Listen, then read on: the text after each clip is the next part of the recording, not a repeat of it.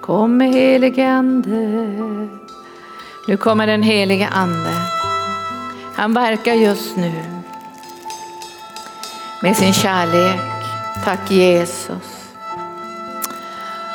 Och det är en läkedom som flödar just nu i känslolivet. Lyft dina känslor inför Gud. Det är mycket som händer, både i våra liv privat och i omständigheter och utöver världen som kan påverka våra känslor på ett negativt sätt. Där krafter kommer i rörelse och ger oss negativa sinnestillstånd. Där demoniska krafter börjar plåga oss. Och nu kommer vi inför dig Herre som önskar kärlek och glädje och frid. Och tålamod och vänlighet och godhet och trofasthet och ödmjukhet och självbehärskning. Vi ser Herre vad du verkar i våra känsloliv för att vi ska få den här kärlekens beröring och glädjen som flödar och friden som befäster och fördjupar vår vila i dig. Så kom heliga ande och verka. Låt alla stormiga känslor, låt allt som stör i känslolivet komma till vila. Så att din kärlek och din frid och din godhet kan befästa våra liv i dig. I Jesu namn. Amen.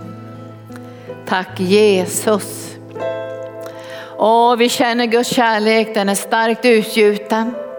Och vi hör vad Herren säger att vi ska lyfta våra känslor inför Herren. Och vi ska låta honom fylla våra känslor med sin närvaro. Så nu vill jag fråga, finns det någon här för första gången på arken? Du har aldrig varit här tidigare. Första gången du är här. Alla varit här tidigare. Där har vi några tjejer. Ni kommer från ett gymnasium. Vi ska ta hand om er efteråt och ni får ställa frågor och så här. Underbart att ni är här. Känner ni någonting speciellt nu? Guds närvaro hoppas jag. Det är en beröring som kommer genom den heliga ande. Och när man känner den här beröringen då ska man säga mera. Fyll mig. Tack lovsångare. Tack Jesus. Härligt offertal. Jag satt precis och, och läste ifrån Timoteusbrevet om där, där den uppmanar oss att inte ha någonting hopp till något så osäkert som rikedom. Vet ni att det står i första Timoteusbrevet, sista kapitlet där, där Herren säger i 17 versen, uppmana de som är rika i den här världen att inte vara högmodiga och sätta sitt hopp till något så osäkert som rikedom. Det står i 17 versen, utan till Gud som ger oss allt till att njuta av det, utan till Gud som rikligt ger oss allt att njuta av. Det var väl bra text? Som rikligt ger oss allt att njuta av. Uppenbar, uppmana dem att göra gott, att vara rika på goda gärningar, att vara generösa och dela med sig. Då samlar de åt sig en skatt som är en god grund för den kommande tidsåldern så att de vinner det verkliga livet. Här är väldigt bra text, det är från första Timoteus 6 och 17. Läs gärna det, för jag kommer att tala idag lite grann om att vi ska inte sätta vårt hopp till någonting som är osäkert.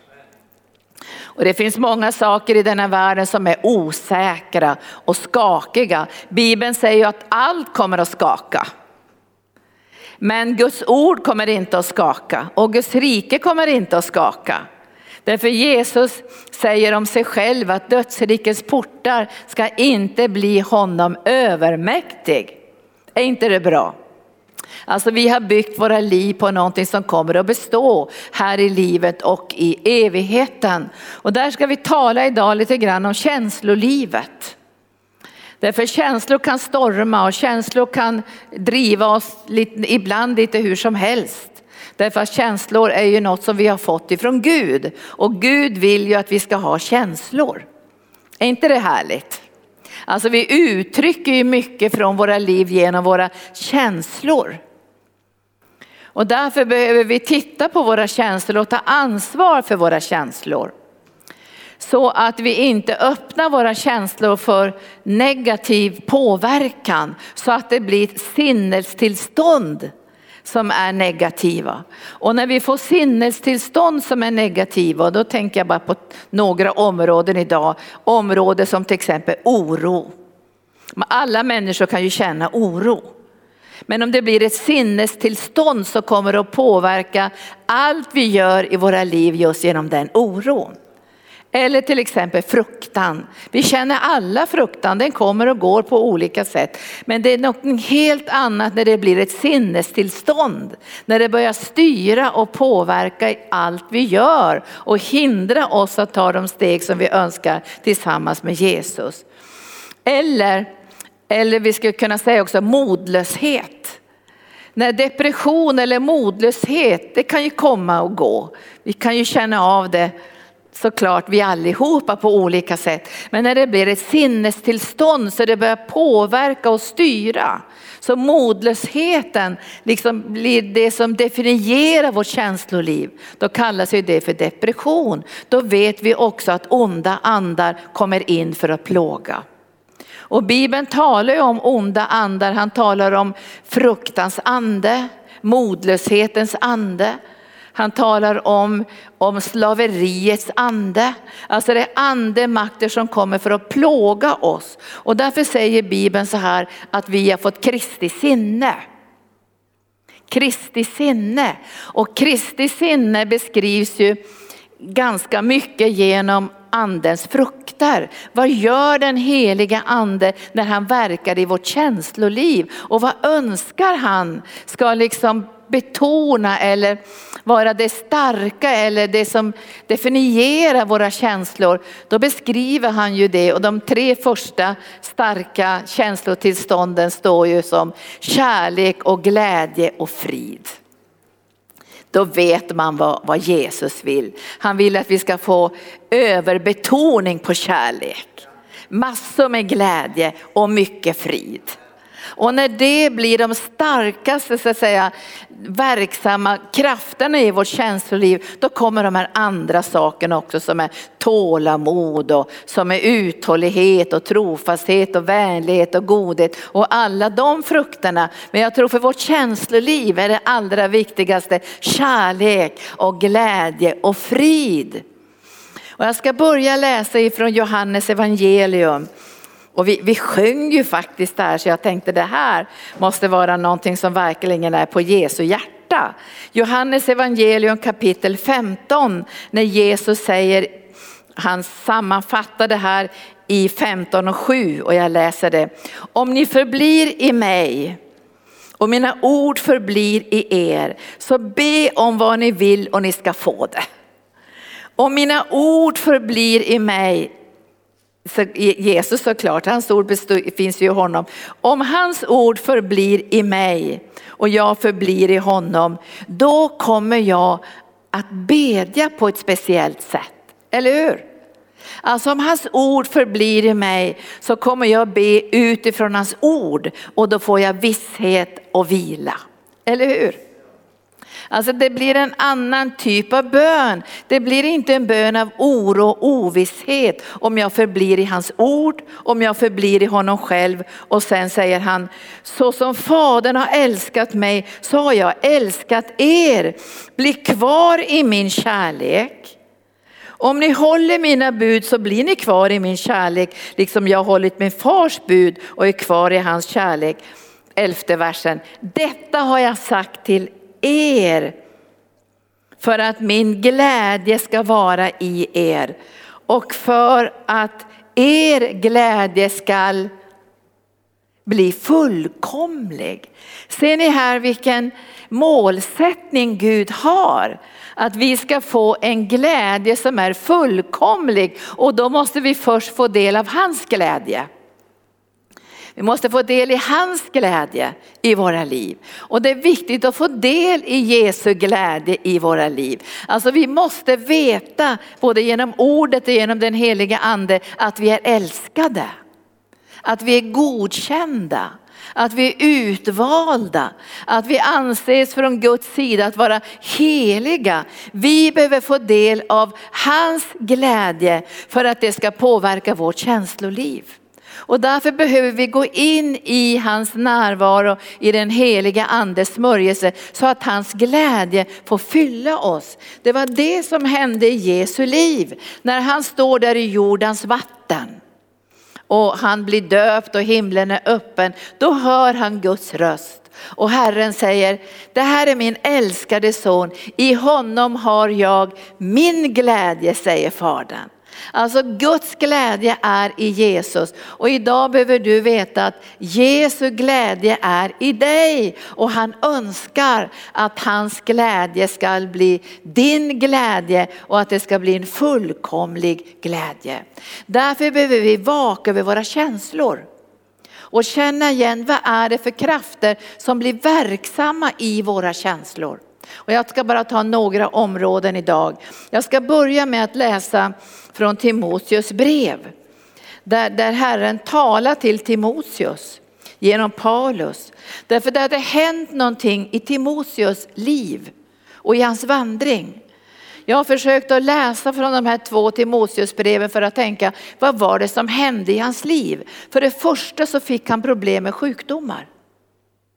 Alltså det står inte så mycket om vad det var för sjukdom, men han fick väldiga problem med sin mage.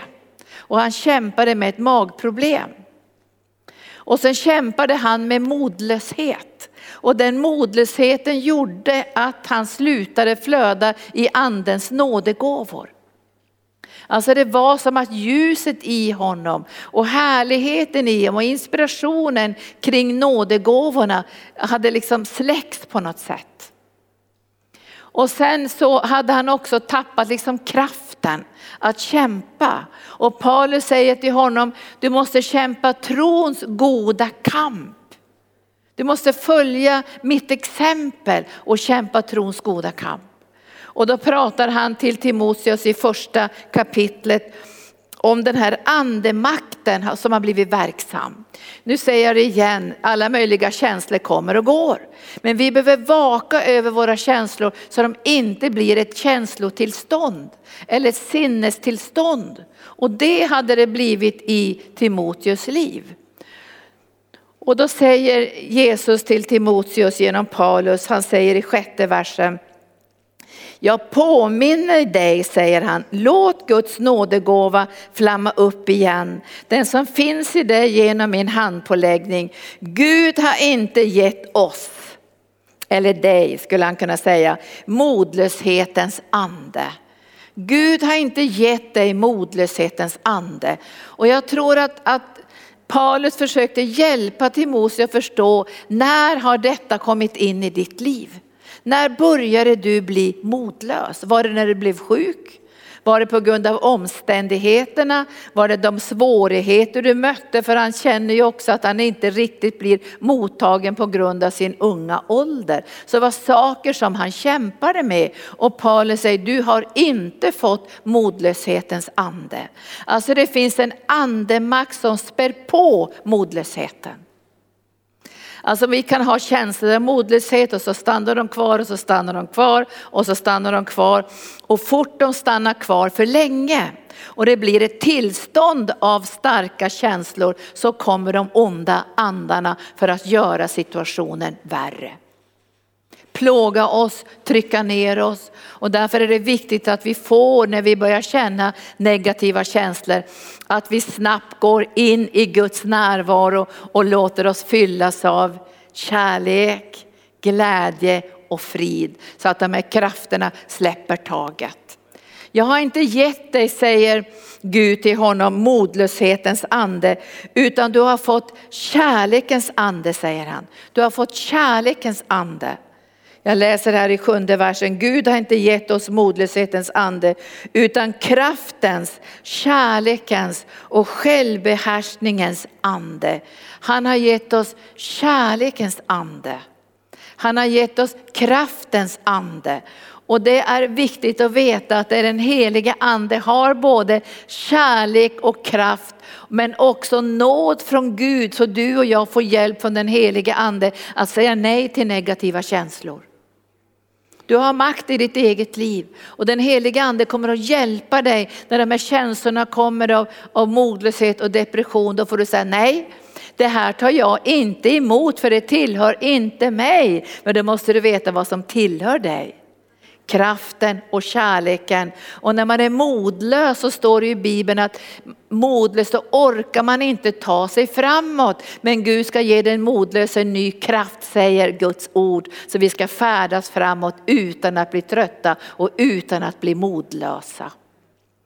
Nu tror jag inte att all modlöshet är en andemakt, men får det påverka oss allt för länge så kommer andemakter att komma in och när andemakter kommer in så plågas vi. Och därför säger Herren i Hebreerbrevet kapitel 12, se på Jesus, tänk på Jesus så ni inte förlorar modet. Vi kan lätt förlora modet och när vi förlorar modet så kommer det krafter in i vårt liv som gör att vi passiviseras, vi börjar ge upp, vi börjar känna hopplöshet. Och då måste vi veta vad, vilken ande har vi fått? Vi har fått Guds ande som är fylld med kärlek och fylld med kraft. Och därför säger Herren till oss, när vi känner modlösheten så kommer ofta fruktan. Alltså det är som att när modlöshet börjar invadera våra liv så kommer fruktan. Och fruktan är ju en känsla men fruktan kan också bli en kraft som börjar förstöra våra liv. Och därför säger Gud i första Johannes brev kapitel 4 att den fullkomliga kärleken ska driva undan all fruktan. Guds kärlek är fullkomlig. Det är inte bara människors tröst eller att vi får en bra diagnos eller att vi får någon löneförhöjning utan den fullkomliga kärleken är verksam i alla omständigheter. Oavsett hur livet ser ut så behöver du och jag ge utrymme för den fullkomliga kärleken och det är från Gud som heter agape-kärleken och den kärleken är starkare än all modlöshet och all fruktan. Visst är det bra? Men vi behöver ge utrymme. Nu har jag varit på två retriter under kort tid. Den ena retriten var jag med hela tiden och i veckan här var jag bara med en liten stund eller en halv dag. Men det jag såg det var att de som var på retreat fick möjlighet att stanna upp. Alltså stanna upp och, och påminna sig om vem de lever i. Vi lever ju i Jesus. Vi, vi, vi, har ju vår relation med honom som är starkare än alla de här omständigheterna och negativa känslorna och svårigheterna. Och så får vi stanna upp. Och sen får vi förbli och träna oss att förbli i hans närhet, i hans kärlek, i hans omsorg. Och först möter vi oss själva på en retreat, såklart. Vi börjar märka vad är det som styr i mitt liv? Vad är det som påverkar mig? Vad är det som jag är attackerad av? Men det underbara med retreat är att vi får se det tillsammans med Jesus utan fördömelse, utan anklagelse, så säger bara Gud, ja men du har mycket stress i ditt liv, du har mycket oro i ditt liv. Men det är bra att du får se det tillsammans med mig, för nu ska vi göra skillnad under de här dagarna. För den fullkomliga kärleken driver undan all fruktan. Och då behöver vi ge utrymme i vårt känsloliv. Jag tror inte att vi ska behöva be fem timmar om dagen. Men jag tycker vi ska känna igen när de här känslorna kommer så de inte bygger bo. Du vet Martin Luther han sa så här. Tankar och känslor går som ska säga, fåglar som flyger över ditt huvud men låt dem inte bygga bo. Och ibland känner man ju att negativa känslor har fått bygga bo så man börjar präglas av dem. Just nu är jag själv inne i en bearbetning för att förstå ledare. Vad händer i ledares liv? Och ni vet ju den hemmavarande sonen, jag har läst om honom i liknelsen. Och nu, nu, har jag ställt frågan, det här är ju bara en liknelse, men jag ställer frågan till Jesus, vad var det som hände i hans liv? Visst är det intressant? Vad var det som hände i den hemmavarande sonens liv? Vad var det för känslor som plötsligt väcktes i honom? Jag har tänkt på det där när jag frågat Herren. Kan hända han tyckte att pappan engagerade sig för mycket i den sonen som hade lämnat fadershuset. För det står ju att den här fadern gick ut och tittade efter den här sonen som hade lämnat fadershuset och önskade att han skulle vara på väg hem. Det kan hända att det var den första känslan, min pappa bryr sig inte om mig. När de känslorna kommer i dig, att Gud inte bryr sig om dig, då måste du veta vad Guds ord säger. Alltså då måste du veta, han har omsorg om dig. Han vet vad du behöver innan du ens har berättat om det. Du får kasta alla dina bekymmer på honom för han har omsorg om dig. Men jag tror att den här hemmavarande sonen börjar känna, han har bara omsorg om den där brorsan som har förstört allting och stuckit iväg med sitt arv. Det kanske kom en känsla som börjar näras på insidan. Pappa bryr sig inte om mig. Och så gick han och närde det här och så tänkte han, ja jag kommer inte att få någon fest. Kommer brorsan hem då blir det någon fest. Men jag kommer inte att få någon fest. Min far bryr sig inte ens om att ge mig en killing som jag kan ha fest tillsammans med mina kompisar. Det var någonting som började hända i hans känsloliv. När de här känslorna kommer och börjar störa din vandring med Gud, då måste du stanna upp.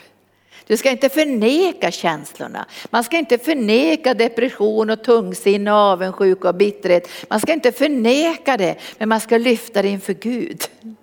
Och när man lyfter inför Gud så märker man också om det finns demoniska krafter närvarande. För då är det mycket starkare krafter som binder upp de här känslorna och då är det svårare att frigöra sig ifrån dem. Du vet den här hemmavarande sonen, han börjar känna sig som en slav. Han börjar känna sig utnyttjad. Han börjar känna så här får jag bara slava och här är bara utnyttjad. Och, och så han börjar nära de här negativa känslorna. Visst är det hemskt det här? I en miljö där det fanns så mycket omsorg och så mycket kärlek så blev inte han ens medveten om det. Vilka lögner mörkrets makter kan föra in i våra liv och i våra känslor. Och det här behöver du och jag bli uppmärksamma om. För när, när fadern kommer till den hemmavarande sonen, ni kan ju läsa det här, då var det full fest på gång.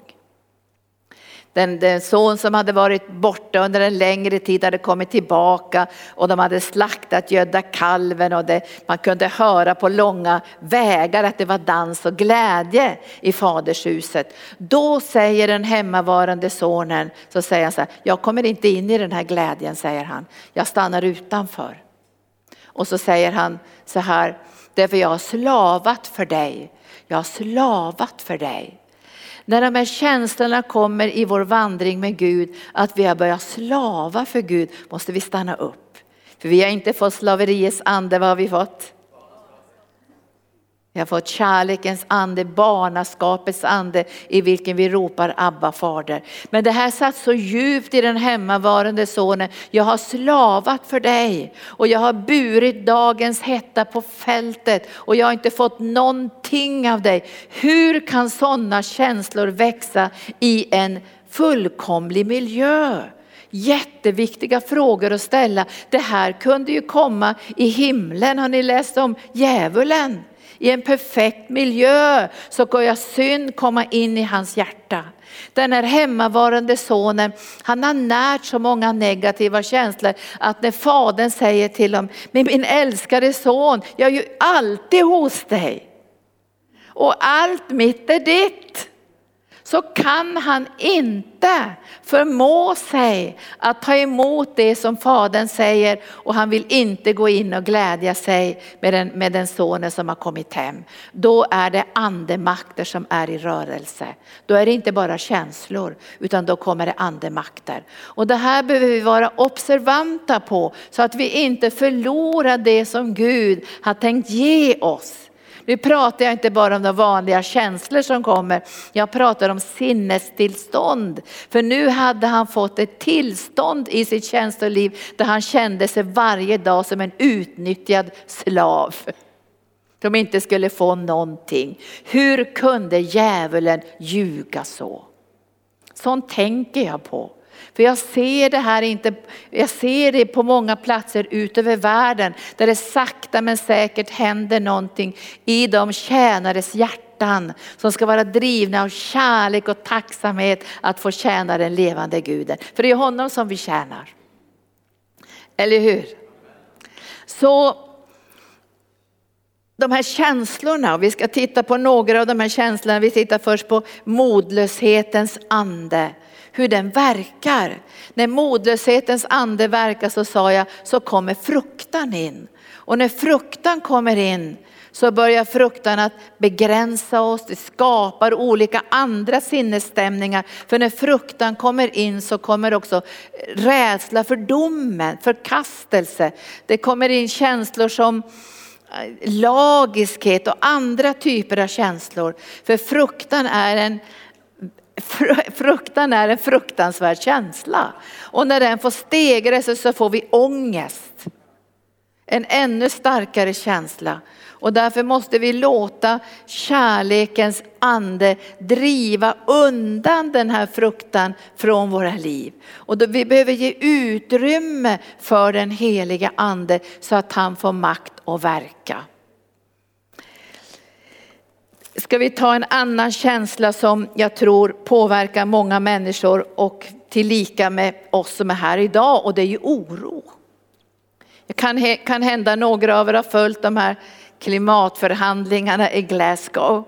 Och man önskar att hela världens ledare ska stå bakom olika bra förslag hur vi ska kunna dra ner på fossila bränslen och få mindre utsläpp och så här.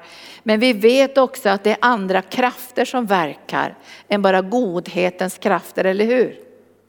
Och det är många som kämpar idag med klimatångest och oro över framtiden. Men då behöver du och jag veta att vi har en god framtid att vänta. Vad säger Guds ord? Han har gett oss en framtid och ett och ni som sitter här idag och ni som ser mig nu, ni har ju fått den stora nåden att veta hur det ska gå. Och det kan vi läsa i uppenbarelseboken hur det ska gå. Och därför måste vi säga nej till oro och bekymmer.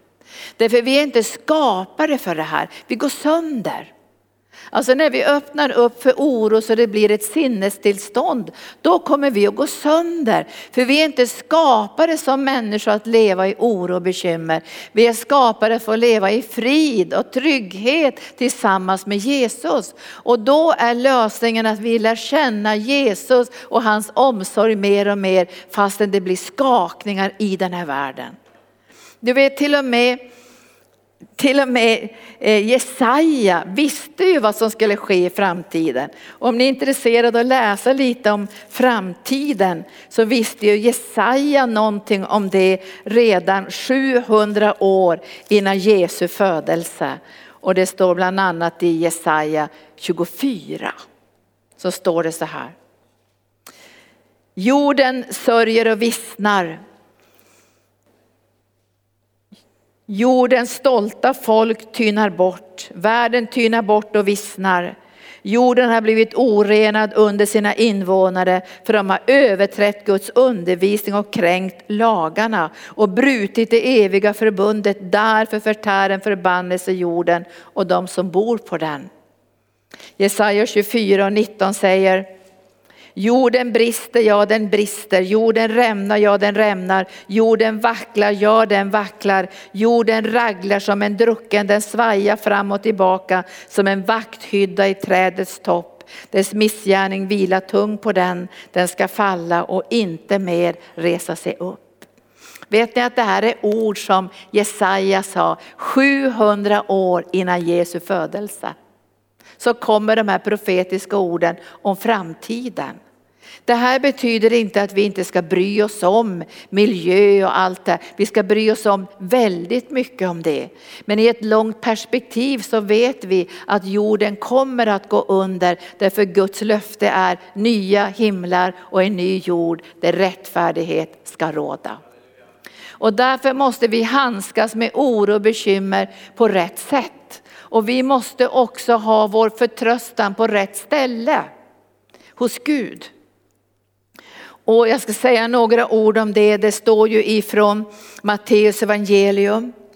Det står sådana starka underbara ord i början av Matteus evangelium när Jesus talar om vårt liv och att vi inte kan tjäna både Gud och mamma. Vi behöver ha vår trygghet hos Jesus. Och vi ska göra beslut och vi ska göra djupare beslut idag att vi ska ha vår trygghet hos Jesus. Det går inte att ha sin trygghet längre i pengar, eller hur? Det, det, det, för det kommer också fallera. Vi kan inte ha vår trygghet heller i sjukvården, även om vi är jätteglada över bra sjukvård i Sverige. Vi måste ha vår trygghet hos Jesus och bestämma oss för att där ska vi ha vår trygghet. Vi tror ju att, att politikerna jobbar för att göra det bättre i vår värld. Men vi måste ha vår trygghet hos Jesus. Därför vårt uppdrag som Guds församling är att föra ut evangelium. Om frälsning, om det nya livet och jag ska säga det nya livet och den nya skapelsen i Jesus Kristus som är fri från modlöshet, som är fri från fruktan, som är fri från oro. Därför om vi lever på samma sätt som människor lever i den här världen så finns det ju ingen plats där vi kan uttrycka och manifestera det liv som finns i Jesus Kristus. Och därför behöver vi som är troende öppna våra känslor för Jesus. För jag tror att Gud vill att vår glädje ska bli fullkomlig. Jag tror det. Även om vi lever i en värld som håller på att falla samman. Även om vi lever i en värld där människor står rådlösa inför havet och vågorna står, så kan du och jag få leva i en fullkomlig glädje på grund av Jesus Kristus och den seger som han har vunnit på Golgata kors. Man kan tro att det inte går. Måste vi leva med oro, modlöshet och fruktan? Måste vi leva på samma sätt som människor lever i den här världen? Och jag tror inte vi behöver göra det. För vi har fått ett nytt liv i den heliga ande. Och vi ska börja leva ut det här nya livet i alla omständigheter. Det här betyder inte ytlighet. Det här betyder inte att vi struntar hur det ser ut i världen, men vi får en annan kraft som är närvarande i våra liv. Vi har fått kärlekens ande, vi har fått kraftens ande och vi har fått återhållsamhetens ande. Så vi kan säga nej till de här negativa känslorna när de kommer. Och min bön är idag att du känner igen det här. När det kommer modlöshet, depression, tungsinne, oro, bekymmer, fruktan, när de här känslorna kommer, stanna upp. Stanna upp och säg, det här vill jag inte ha in i mitt liv. Och så ger du de här känslorna till Gud och så säger du kom helige ande och fyll mina känslor med din närvaro. Friden, kärleken, Glädjen som kommer via den heliga ande. Vad säger Jesus? Matteus 6 så säger han i 24 versen, ingen kan tjäna två herrar. Antingen kommer han att hata den ene och älska den andra eller hålla fast vid den ene och förakta den andra.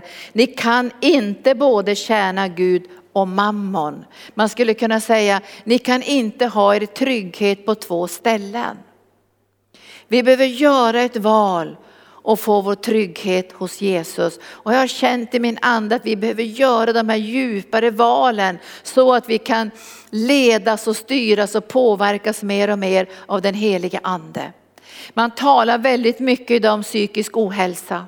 Och när vi möter människor med psykisk ohälsa så är ofta känslorna depression, tungsinne, ångest, fruktan och oro.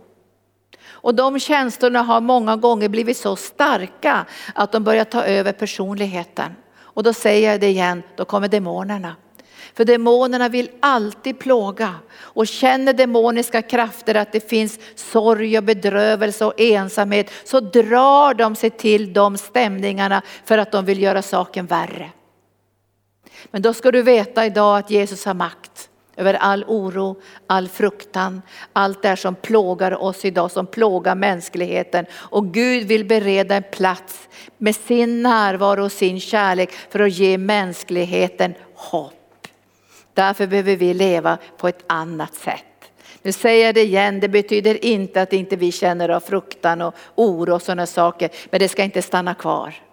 Förbliv i mig, säger Jesus, förbliv i mina ord, förbliv i min kärlek. Och hans kärlek, hans kraft och hans ord är starkare än allt det här andra. Så vi behöver göra val, vad vill vi ha vår trygghet? Och då säger Jesus till dem så här, till oss alla idag. Jag säger er, bekymra er inte för ert liv. Bekymra er inte för ert liv. Varför säger han på det sättet? Jo, han säger så därför att om vi släpper in bekymmer kommer vi att gå sönder. För vi är inte skapade för bekymmer. Alltså vi går sönder. Du vet hur det blir när bekymren tar över i ditt liv. Du går sönder, du bryts ner. Och därför säger han bekymra er inte för ert liv. Och så räknar han upp sådana vardagliga saker. Han säger för kroppen kroppen eller kläderna eller vad det kan vara. Och så säger han, varför bekymrar ni er för kläder och sådana här saker? Han säger till oss, förstår inte ni, säger han i 32 versen, att allt det här söker hedningarna efter. Men er himmelska far vet att ni behöver allt detta.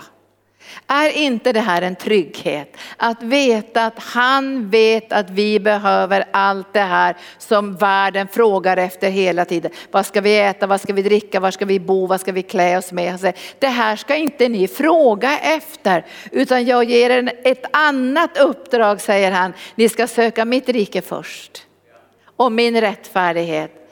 Då kommer allt det här andra tillfalla er och komma in i era liv som en gåva. Men ni måste söka mitt rike. Ni måste göra ett beslut i era hjärtan. Var ska ni ha eran trygghet? Och de här besluten måste vi göra mitt i fruktan, mitt i modlöshet, mitt i attacker. Så gör du och jag det här beslutet. Jag tänker ha min trygghet hos Herren. Och jag tänker öppna mina känslor för hans närvaro. Oavsett hur jobbiga de är idag så ska jag öppna dem för hans känslor. För att han önskar att hans glädje ska bli fullkomlig i mig och att min glädje ska bli fullkomlig genom hans glädje. Och sen säger han, jag läser också ifrån Petrus första brev så säger Jesus så här genom Petrus i femte kapitlet så säger han Ödmjuka er i sjätte versen 5 och 6. Ödmjuka er under Guds mäktiga hand så ska han upphöja er när tiden är inne. Alltså Guds mäktiga hand, nu är väl Guds hand starkare än all den trygghet som finns i världen. Jag, jag, tycker om trygghet i världen. Jag tycker om att vi i Sverige har en sjukförsäkring och att vi kan gå till sociala om vi vill eller vi kan ja, få hjälp på olika sätt. Men det är inte där vi har vår trygghet. Vi har vår trygghet hos Jesus. Vi ödmjukar oss inte under Försäkringskassans svaga hand, utan vi ödmjukar oss under Guds mäktiga hand. Eller vad säger ni? Alltså det är där som du och jag ska ha vår trygghet. Och känner vi nu, är du med mig nu idag som känner otrygghet, alltså du har förlorat ditt jobb eller det blir jobbigt med Försäkringskassan, du får inte det stöd som du behöver. Ödmjuka dig under Guds mäktiga hand så ska han ge dig trygghet. Och då behöver du göra någonting väldigt praktiskt och så att säga medvetet. Då säger han så här, han säger Ödmjukar under Guds mäktiga hand så ska han upphöja er när tiden är inne och kasta alla era bekymmer på honom. Kasta alla era bekymmer på honom. Varför måste du och jag kasta bekymren på honom? Därför de har en tendens att fastna. Eller hur? Jag sa på retriten när jag var där så hade jag läst en rolig historia från en psykiater, men det var sant. För det var en patient som berättade det här för mig. Så hade psykiatern tröttnat på den här patienten för den hade oro, oro, oro hela tiden. Och han hade väldigt svårt att hjälpa den här patienten annat med medicin. Till sist så sa han så här, nu tycker jag du gör så här ikväll för den hade svårighet att sova också på grund av oron. Ta fram en plastpåse och sen fyller du plastpåsen med alla dina bekymmer och så hänger du den utanför fönstret. Och sen på morgonen hämtar du in den igen. För de här problemen kommer att finnas kvar i påsen. Jag tror inte att det är så. När du har kastat dina bekymmer på Herren så försvinner de ju inte. Om du har bekymmer med, med sömnen eller bekymmer med barnen eller bekymmer med din hälsa så försvinner ju inte bekymren bara, nu är de borta, nu har jag hängt dem utanför fönstret. Utan du får, det är klart att du får tillbaka vissa bekymmer med lösningar. Därför när dina bekymmer har varit hos Jesus så kommer inte bekymmerskänslorna att styra längre utan du kommer att känna, här finns det hopp. Här finns det lösningar. För nu har mina bekymmer varit i Jesu närvaro och vissa bekymmer kommer inte ens tillbaka. Men vissa praktiska saker som du har haft som bekymmer, de kommer tillbaka. Men tillsammans med den heliga ande kommer du att ha lösningarna. Och därför måste du kasta bekymren på Herren för de kommer att kleta fast i dig. Därför när bekymren börjar styra i ditt och mitt liv, då stärker djävulen det. Med sina tankar och sina påverkansord och sen kommer han också med andemakter som stärker det här ännu mer så du ska bli riktigt plågad av bekymmer. Och jag vet ingen annan väg med det här än att man går till Jesus. Jag tror inte att man ska gå omkring och ljuga, jag har inga bekymmer, jag har inga bekymmer. Utan bekymmer kan vara starka känslomässiga attacker attacker. Och då får vi inte ljuga för Jesus och säga, jag är inte orolig, jag har inga bekymmer. Utan vi behöver komma till en plats där vi blir ärliga inför honom och säger, det här har jag i mitt liv. Men jag vill komma till dig nu, för jag vet att du är starkare än alla de här negativa känslorna. Och finns det demoniska krafter i mitt liv så kommer de att få böja sig i namnet Jesus. För du önskar att jag ska leva i fullkomlig glädje i fullkomlig frid och i fullkomlig kärlek. Och jag säger igen, vi måste vara uppmärksamma på de här känslorna. Tillbaka till den hemmavarande sonen. Tycker jag det är jättetragiskt att han inte gick in. Därför att han hade gått så långt i sina negativa känslor att han inte längre ville gå in. Han satte sig utanför. Men det hade ju också hänt saker i den förlorade sonen. För han hade tappat tron på Guds kärlek. Han trodde inte längre på full upprättelse. Han tänkte jag kommer aldrig att bli fullt upprättad därför jag har gjort så många synder. Så jag får komma hem möjligen för att bli en tjänare bland min fars tjänare. Båda hade fel. Och vi ställer nu de här frågorna idag. Hur kunde de här krafterna eller känslorna eller påverkan bli så stark i deras liv när fadern var helt annorlunda? Och när vi har för lite kontakt med Jesus och med Fadern, då blir det mera spelutrymme för mörkrets makter att attackera in i vårt känsloliv. Och jag tror att att när vi lyfter våra känslor inför Gud så kommer den heliga ande och fyller dem med sin kärlek och så kommer orden. Kasta dina bekymmer på mig. Jag har omsorg om dig. Sök först mitt rike och min rättfärdighet, sen ska allt det andra tillfalla dig. Gå in i bönerummet, du vet att din far vet vad du behöver innan du ens har bett honom om det. Min fullkomliga kärlek driver undan all fruktan och jag har inte gett dig modlöshet, jag har gett dig glädje och kraft och tålamod. Vi behöver få tag på det här för annars blir vi på sikt församlingar i Sverige som är nertonade, fyllda med fruktan, oro och bekymmer inför framtiden och det är inte Guds vilja. Vi ska ge den här världen hopp. Och för att vi ska kunna ge den här världen hopp så måste vi börja leva i Guds hopp själva och veta vad vill Gud? Är det oförskämt att leva i glädje när världen ser ut som den gör? När vi måste leva i glädje. Alltså vi måste kunna förmedla glädje till människor, även till de som är i den djupaste nöd och koppla ihop dem med Jesus. Och jag tänkte i morse, om när vi reser ut i världen och, och proklamerar evangelium så är det första vi gör i ett land som när vi möter ett land och det gjorde vi också i Vitryssland. Det första vi gör i ett land är att sammankalla människor till en gudstjänst. Först måste de få möta Jesus. Sen kan vi komma in med den praktiska hjälpen och omsorgen. Men först måste de få möta Jesus så de får sin trygghet på rätt ställe. För vi är inte deras trygghet. Många gånger tror människor när vi kommer till Indien och Filippinerna att vi är deras trygghet. Vi är inte deras trygghet. Vi har Jesus som vår trygghet. Vi är lika beroende av Jesus som de är.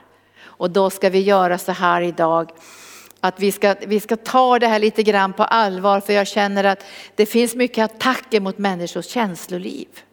Och många är väldigt plågade på olika sätt och därför behöver vi komma till den här platsen att vi säger till Herren så här, hjälp mig att känna igen de känslor som inte du vill att jag ska styras av eller påverkas av så att jag kan ha återhållsamhetens ande att säga nej.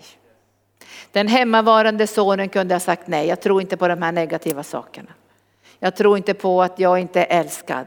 Jag tror inte på att fadern inte vill ge mig någon, någonting. Jag tror inte på de här lögnerna som kommer. Och varför gjorde han inte så han gick och frågade fadern innan det här hade grävt sig in i hans själ och gjort honom så hård så att han inte längre kunde glädja sig över att hans bror hade vänt hem och fått förlåtelse och upprättelse. Lovsångare. Tack Jesus. Vi bryter det här idag, den här modfälldhetens ande, fruktans ande, slaveriets ande. Finns det krafter verksamma så du känner, här är det plågoandar som plågar mig i mitt känsloliv. Människor som är plågade många gånger tar ju livet av sig. Därför de är så plågade av ångest. Medan Bibeln säger, där ångest råder ska ett ljus skina klart. Och vi behöver inte plågas av ångest, för vi har inte fått den andemakten verksam i våra liv. Vi har fått Guds ande som är kärlek och frid och glädje. Så nu ska vi vara ärliga mot Herren. Är det krafter verksamma så du känner att jag styrs av någonting som jag inte vill styras av. Jag plågas för jämnan av depression. Eller fruktan styr mitt liv eller modlöshet verkar starkt i mitt liv. Så då bryter vi det idag i namnet Jesus. Är det bra det? Vi bryter det. Vi bryter det nu. Då tar vi och bryter det här i namnet Jesus. Och vi tror på att Guds kraft är starkare än alla djävulens makter i den här världen. Så i namnet Jesus tar jag auktoritet över modfälldhetens ande.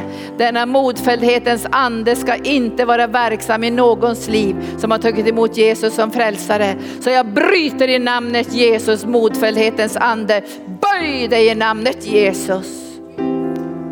Och jag bryter i namnet Jesus fruktans ande, fruktans ande. Jag tar auktoritet över fruktans ande. Böj dig i namnet Jesus, böj dig i namnet Jesus. Och jag tar auktoritet över, över orons ande, orons ande, bekymrens ande. Så bryter jag den andemakten, ska inte längre plåga någon här. Böj dig i namnet Jesus, har auktoritet över denna andemakt som ska plåga och bryta ner och förstöra vår psykiska och fysiska hälsa. Böj dig i namnet Jesus, böj dig i namnet Jesus. Och jag ber dig helige ande att vi idag får vara så ärliga med dig Jesus och säga, jag känner mycket fruktan i mitt i själsliv. Jag känner mycket oro i mitt själsliv men jag öppnar mig för dig nu Jesus. Och jag bär mina negativa känslor till dig Jesus och jag lämnar dem hos dig. Jag lämnar dem hos dig. Var ärlig nu med Jesus.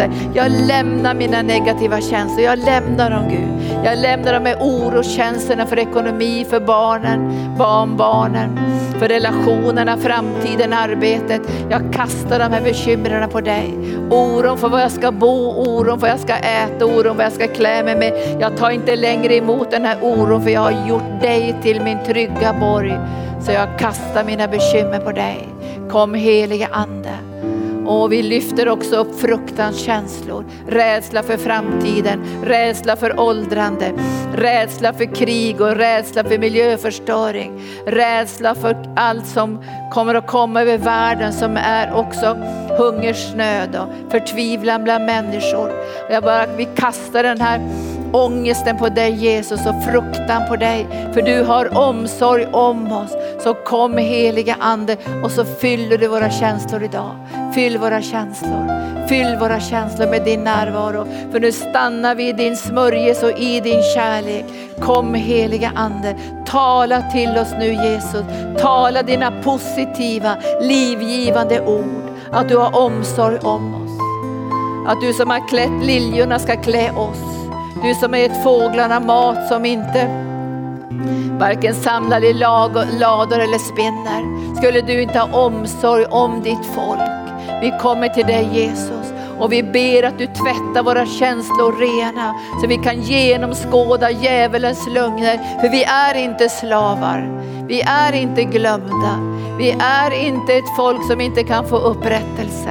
Och jag ber att vi ska kunna genomskåda djävulens lögner i vårt känsloliv och avslöja de här lögnerna. Kom heliga Ande, bara ge dina känslor till Jesus nu. Nu kommer Guds Ande och fyller dem. Vi går bara inför Gud och så låter vi lovsången bara flöda nu. Tack Jesus. Åh, vi prisar dig Jesus. Kom heliga Ande. Och nu kommer du med känslorna. Låt dem bara komma till Jesus nu. Han förkastar inte dig. För att du säger till honom att jag har varit plågad av oro de sista veckorna. Bara säg det till Jesus.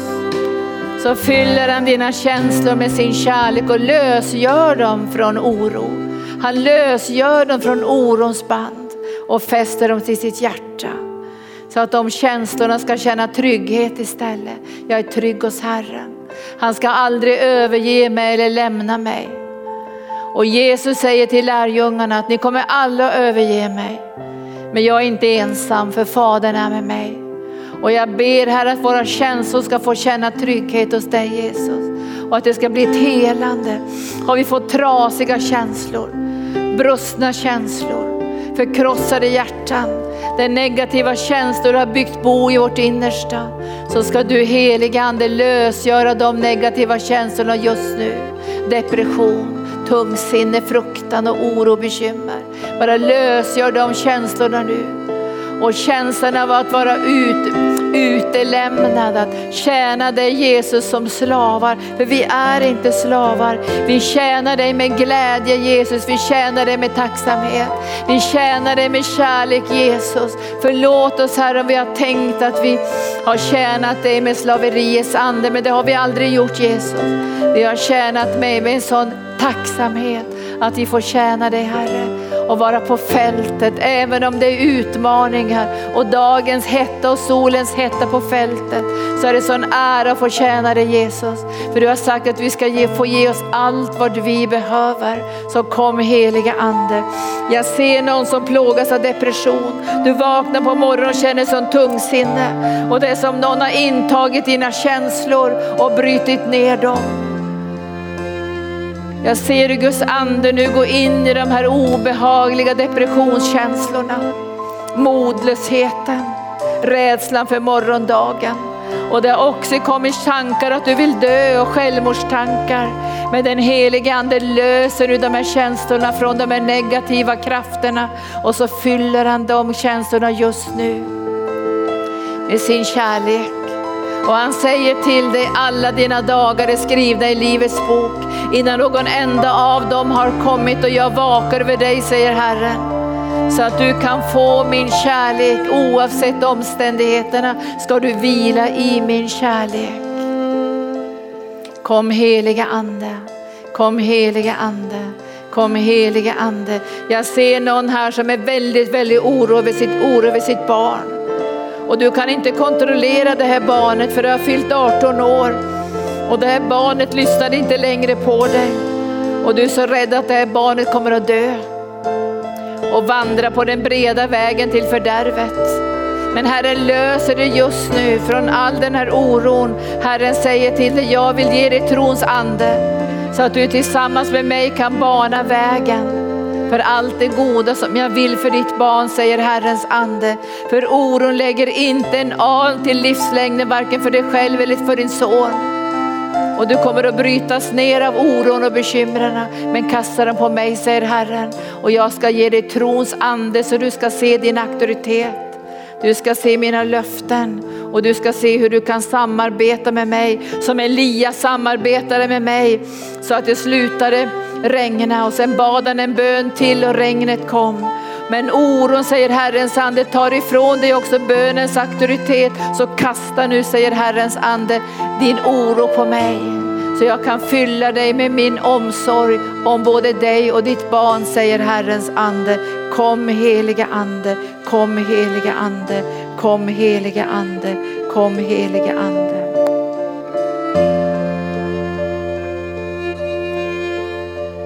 Och Herrens ande säger till någon idag att du måste få tillsammans med mig lära känna djupen av min kärlek. Hur den kärleken håller sig här i den djupaste nöd, i de svåraste omständigheter. Så vill jag att du ska känna djupet av min kärlek. För jag har varit nere i det djupaste djup och jag har burit all smärta och alla sjukdomar säger Herren. För att kunna ge dig hopp i mörkret. För att du ska kunna sjunga i midnattstimmen. Så vila mot mitt bröst säger Herren, vila i min kärlek säger Herrens ande. Och jag vill att du ska lära känna djupen av min kärlek. Så du kan omslutas av bredden och längden och höjden av den kärleken som flödar utifrån Golgata kors. Kom helige ande och nu flödar Guds ande, han flödar nu och han fyller de här känslorna med sin närvaro. Kom helige ande, kom med hopp. Kom med tro, kom med glädje. Tack Jesus, tack Jesus. Åh, vi prisar dig, vi prisar dig, vi prisar dig. Och jag ber för alla idag som, har, som tjänar Herren och känner att de är slavar under människor. Eller slavar under omständigheter. Så bryter jag i namnet Jesus alla de lögnerna. För vi har inte fått slaveriets ande. Vi har barnaskapets ande. Och vi är medarvingar till Jesus. Och Jesus tjänade aldrig Fadern med ett hårt hjärta. Aldrig med slaveriets känslor. Han säger att göra min, din vilja Fader är min mat. Det är min glädje att få göra din vilja. Och jag ber dig heliga ande för trötta medarbetare trötta ledare att de ska få smaka denna ljuvliga sötma genom din ande. Att göra din vilja, det är vår mat, det är vår glädje. Det är vår tillfredsställelse och jag bryter sönder i namnet Jesus alla känslor av slaveri, av utanförskap. Att inte vara älskad Låt oss få höra dina ord Jesus idag. Allt mitt är ditt min älskade son. Jag är alltid hos dig. Jag är alltid hos dig. Kom heliga ande och rasera alla lögner, alla negativa tankar som kommer ifrån mörkrets makter. Av anklagelse, av fördömelse. Kom heliga ande, förkastelse. Fyll oss idag med din smörjelse. Kom helige ande. Kom helige ande. Åh, vi prisar dig. Åh Jesus, vi tackar dig. Vi vill tacka alla er som har varit med på kanal 10. Så småningom här så kommer det att avslutas för er. Men vi lyfter upp er i bön just nu. Så Jesus, jag tackar dig för alla som har tittat på kanal 10 idag. Att du välsignar dem rikligen. Om de har hamnat där bara av en slump Jesus, att det var ingenting annat på tvn så, så hittade de till dig Jesus. Och för dig som ännu inte har tagit emot Jesus här i salen eller genom tvn så gör vi det tillsammans just nu. Det enda du behöver säga är, kära Herre Jesus, kom in i mitt hjärta. Förlåt mig mina synder och fräls mig. Förlåt att jag har gått på avvägar som inte har varit dina vägar. Tack att du tar emot mig med en öppen famn. Tack Jesus. När du har sagt de här orden, det är inga svåra ord att säga, så har du blivit frälst. Och då har han kommit in i ditt liv och heliga ande bor i dig och Jesus älskar dig. Han älskade dig innan du blev frälst och han älskar dig när du har blivit frälst och du kommer få spendera evigheten tillsammans med honom. Och det är en seger för dig. Så vet med dig att du alltid, alltid kan komma till Jesus. Så tack till dig som har varit med på nätet. Ni är med en liten stund till och så hoppas jag att vi ses igen. Tack Jesus. Tack Jesus. Tack Jesus. Vi bara står inför, vi låter lovsången flöda. Vi, vi vill vara ärliga mot Gud. Har du modlöshet idag? Har du känt i ditt liv att Gud bryr sig inte om dig och du känner mig som en slav när du ska tjäna i församlingen? Du känner att det blir utnyttjad. Herren skulle aldrig utnyttja någon. Han vill att vi ska tjäna honom med glädje, med tacksamhet och med villighetens ande.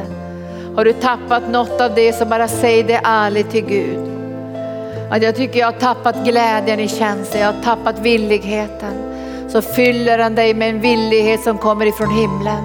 Där Jesus säger att göra din vilja far, det är min största glädje, det är min mat. Och jag söker inte min egen vilja, jag söker din vilja Fader som har sänt mig. Låt glädjen komma tillbaka i tjänsten. Modlösheten. Och vi bara är ärliga Herre att modlöshet kan komma men vi ger den tillbaka till dig för vi ska inte ha den i vårt liv. För du har sagt här att vi ska ha frid och glädje och kärlek och kraft. Kom heliga Ande. Vi ger tillbaka depression, rädsla, ångest. Vi ger det tillbaka till dig Herre. Vi vill inte leva i psykisk ohälsa. Vi vill leva i din överflödande glädje och din frid och barnaskap, att vi är arvingar till himlens Gud. Kom heliga Ande. Hjälp oss att se våra känslor nu. Finns det negativa krafter närvarande? Så får du visa det Herre, för vi döljer ingenting för dig. För vi önskar att få ett fullödigt, levande, härligt känsloliv där vi kan älska. Där vi kan leva ut din frid och regera genom din frid. Där vi kan ha hopp som vi kan ge till människor. Så kom heliga Ande. Åh, bara fyll våra känslor nu, fyll våra känslor. Du som ser mig nu via kanal 10, bara säg till Herren, fyll mina känslor. Du som ser mig via Youtube, säg Herre, fyll mina känslor med din närvaro. Fyll mina känslor med din kärlek, med din glädje. Kom helige Ande, bara rensa undan alla bekymmer. Så jag får tro i mitt hjärta på dina lösningar och dina utvägar. För kunskapens ord ska komma in i mitt liv och visdomens ord. Profetisk smörjelse. Tillsammans med dig kan jag i frimodighet vandra in i framtiden utan fruktan. Fast jorden skakar och bävar så kan du och jag vandra Jesus in i den här världen och göra skillnad. Vi önskar att göra skillnad Jesus. Vi önskar att trösta dem som är sörjande. Så kom heliga Ande med din underbara, underbara, underbara kärlekssmörjelse och fyll våra känslor nu i Jesu namn. Nu fyller han dig, han fyller dina känslor. Åh, han fyller dina känslor. Kom heliga Ande. Kom helige Ande. Åh, kom helige Ande, kom helige Ande.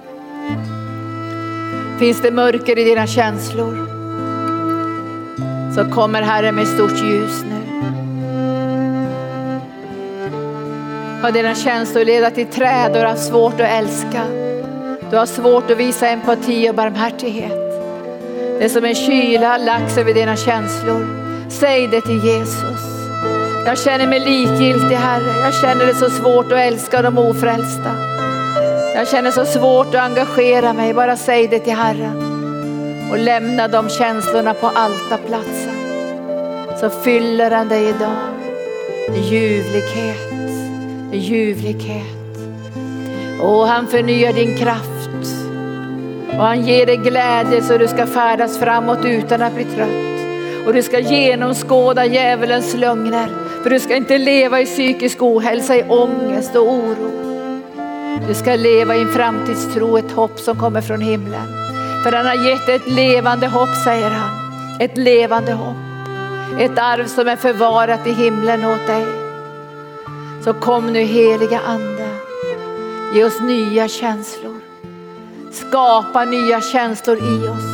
Har det gått sönder sedan barndomen? Har vi blivit bestulna i barndomsåren? Så kan du ge tillbaka idag Herre, du kan ge tillbaka. Det som Satan har stulit av trygghet och kärlek kan din agape-kärlek ge tillbaka. Så fyll oss nu helige Ande. Fyll oss. Och hela vårt känsloliv. Kom helige Ande. Och vi bara ser hur Guds ande verkar nu och helar känslolivet. Det flödar läkedom nu, det flödar läkedom. Skador som du har fått som barn av förkastelse. Det är mycket vrede växte fram. Herren säger min frid ska fylla dig. Och den här vreden ska slockna i ditt innersta. Den ska inte längre ha någon kraft. Den här negativa nedbrytande vreden ska inte längre ha makt i ditt liv. Därför du ska få tålamod, säger Herren. Du ska få mildhet och godhet och återhållsamhet. Jag bara ser hur känslor växer fram nu som är mildhet och godhet och tålamod. Kom helige Ande. Kom helige Ande. Har du ett profetord eller ett kunskapens ord?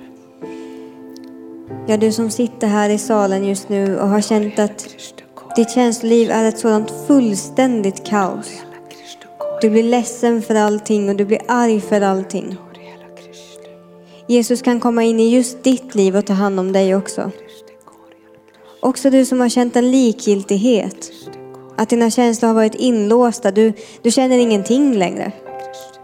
Just nu så vill Jesus komma och knacka på dörren och befria dig från den här likgiltigheten. Och jag tackar dig Jesus att vi inte kallade att leva likgiltigt. Vi är inte kallade att leva med oro eller en hopplöshet, utan vi är kallade att leva ett liv tillsammans med dig, alltid Jesus. På alla plan. Och våra känslor är inte uträknade på något sätt Fader, utan du har lagt ner känslor i oss. Du skapade oss med en egen fri vilja så att vi kunde gensvara till din kärlek.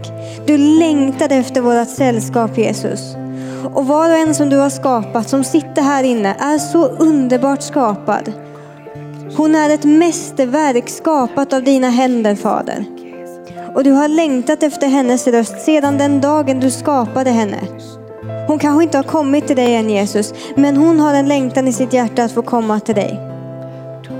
Så jag tackar dig nu Jesus att vi får bereda den platsen. Att vi alla ska kunna komma till dig med våra känslor. Och hur viktigt det är Jesus, hur underbart det är att vi har känslor. Men de ska inte ta över våra liv och de ska inte styra våra handlingar. Vi ska inte ha en osundhet i våra liv. Utan du sätter oss fria just nu att leva på riktigt för dig Jesus. På ett sådant sätt där vi får vara dina kärl. Där vi får leva i din kärlek varje dag Jesus. För var dag så är nåden ny. Den är ny också idag. Vi vet inte om vi får imorgon Jesus. Men vi har tro. Och vi har hoppet i dig Fader. Så vi tackar dig nu att våra känslor får en upprättelse. De har blivit sårade och traumatiserade i världen. De har blivit stressade och fyllda med oro. De har blivit fyllda med fruktan och en smärta som vi inte ens kan förstå Jesus. Men just nu så sätter du oss fria. Och du reser oss upp och du borstar dammet av våra kläder och fötter. Så att vi igen kan gå in i din härlighet Jesus. För vi har inte tappat hoppet. I Jesu namn. Tack Jesus. Nu ska vi bjuda fram för förbön och känner du idag att du skulle vilja vila handen på dig och löste ut Guds känslor. Vi har brutit de här negativa känslor, du ska få Guds känslor av hopp, av tro och framtidsglädje. Så vill vi lägga handen på dig och lösa ut den heliga andes smörjelse. Och vi har sagt stopp för de här negativa känslorna. Och från och med idag så tror jag du kommer känna igen när de knackar på. Så du kan säga nej det här vill jag inte ha. Och så säger jag ger det till dig Herre, fyll mig med din heliga ande. Med nya intryck av känslor som kommer från Guds eget hjärta. Tack Jesus. Tack Jesus. Och det finns känslor som jag tycker är väldigt, väldigt svåra att handskas med och jag sa det för en tid sedan så sa jag att när vi startade arken för, det är ju snart 35 år sedan, det är länge sedan, så tyckte jag att de första tio åren var det väldigt mycket attacker och omständigheter och så här. Och det var känslor som man kände då, det var, man fick handskas med stress. Och ni vet hur stress kan vara en stark känsla. Den är svår att definiera men den påverkar kroppen, den påverkar tankarna och den påverkar ju också känslolivet för då kommer oron, stress och oro följs ju åt. Stress och modlöshet. Och är det så att du har svårt att handskas med stresskänslor så, så ska Gud bara bryta det här över dig så du får Guds nåd över ditt liv att handskas med det här. Och jag tror att vi behöver ännu mer lära känna andens nådegåvor, kunskapens ord, visdomens ord, att hitta vägar genom Guds ande i situationer som är stressiga. För vi kommer inte undan stress, men vi ska handskas med det. En del av oss klarar inte av att ha ens två bollar i luften, medan andra klarar att ha kanske 22 bollar i luften. Därför vi är disponerade för stress och oro, kanske i våra personligheter också. Men vi ska inte styras av de sakerna, vi ska styras av Guds ande. Och jag tror att motsatsen till stress är frid. Att vi ska börja praktisera frid genom våra liv och veta att vad en som kommer i vår väg har han redan besegrat. Och det finns inga namn som är högre än namnet Jesus. Så är du här idag som också plågas av stress och press på din arbetsplats så ska vi be att friden som övergår allt förstånd ska bevara dina tankar och ditt hjärta. Var då någonstans? I Kristus Jesus. Tack Jesus. Har vi förebedjare här, ni vet vilka ni är, hemgruppsledare och förebedjare, så kan ni komma fram. Tack Jesus.